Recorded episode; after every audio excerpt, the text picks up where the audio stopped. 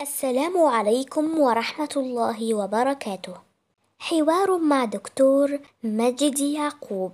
هو طبيب مصري عالمي عاد من الخارج إلى مصر لينشئ في أسوان أشهر مركز لجراحات القلب بالشرق الأوسط وإفريقيا بمستشفى أسوان التعليمي الحكومي.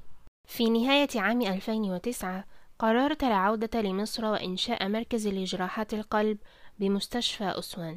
ما دوافعك لذلك؟ إحساسي بأنني مدين لبلادي وما وصلت إليه من مكانة في عالم جراحات القلب. كان أهم دافع لي للعودة لخدمة الناس واخترت أسوان للمشروع لأنني أعشق هدوءها وجمالها وتاريخها المميز فهي مركز إلهامي. ألم تخش من محاربة بعضهم لك وتعطيل مشروعك؟ سنجد في كل مكان بالعالم صعوبات كثيرة في العمل يواجهها كل البشر، لكنني شعرت بأنه من حق وطني علي وواجبي أن أعود. لأفيد أهل مصر بما تعلمته ومارسته بالخارج، ومنذ عودتي مد الجميع لي يد العون لإنجاح المشروع، الدولة كلها وقفت بجانبي ودعمتني ووثقت بما جئت من أجله.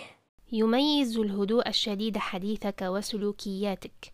فهل يعود السبب في ذلك لطبيعتك الخاصة أم لطبيعة مهنتك كجراح؟ أنا هادئ بطبيعتي منذ طفولتي كما فرضت علي مهنة الصمت بل حببته إلى نفسي. ففي عالم الطب وبخاصة الجراحة يكون للجراح الهادئ القدرة على تحقيق النجاح في العمليات التي يجريها. ما أهم ما تنصح به الطبيب؟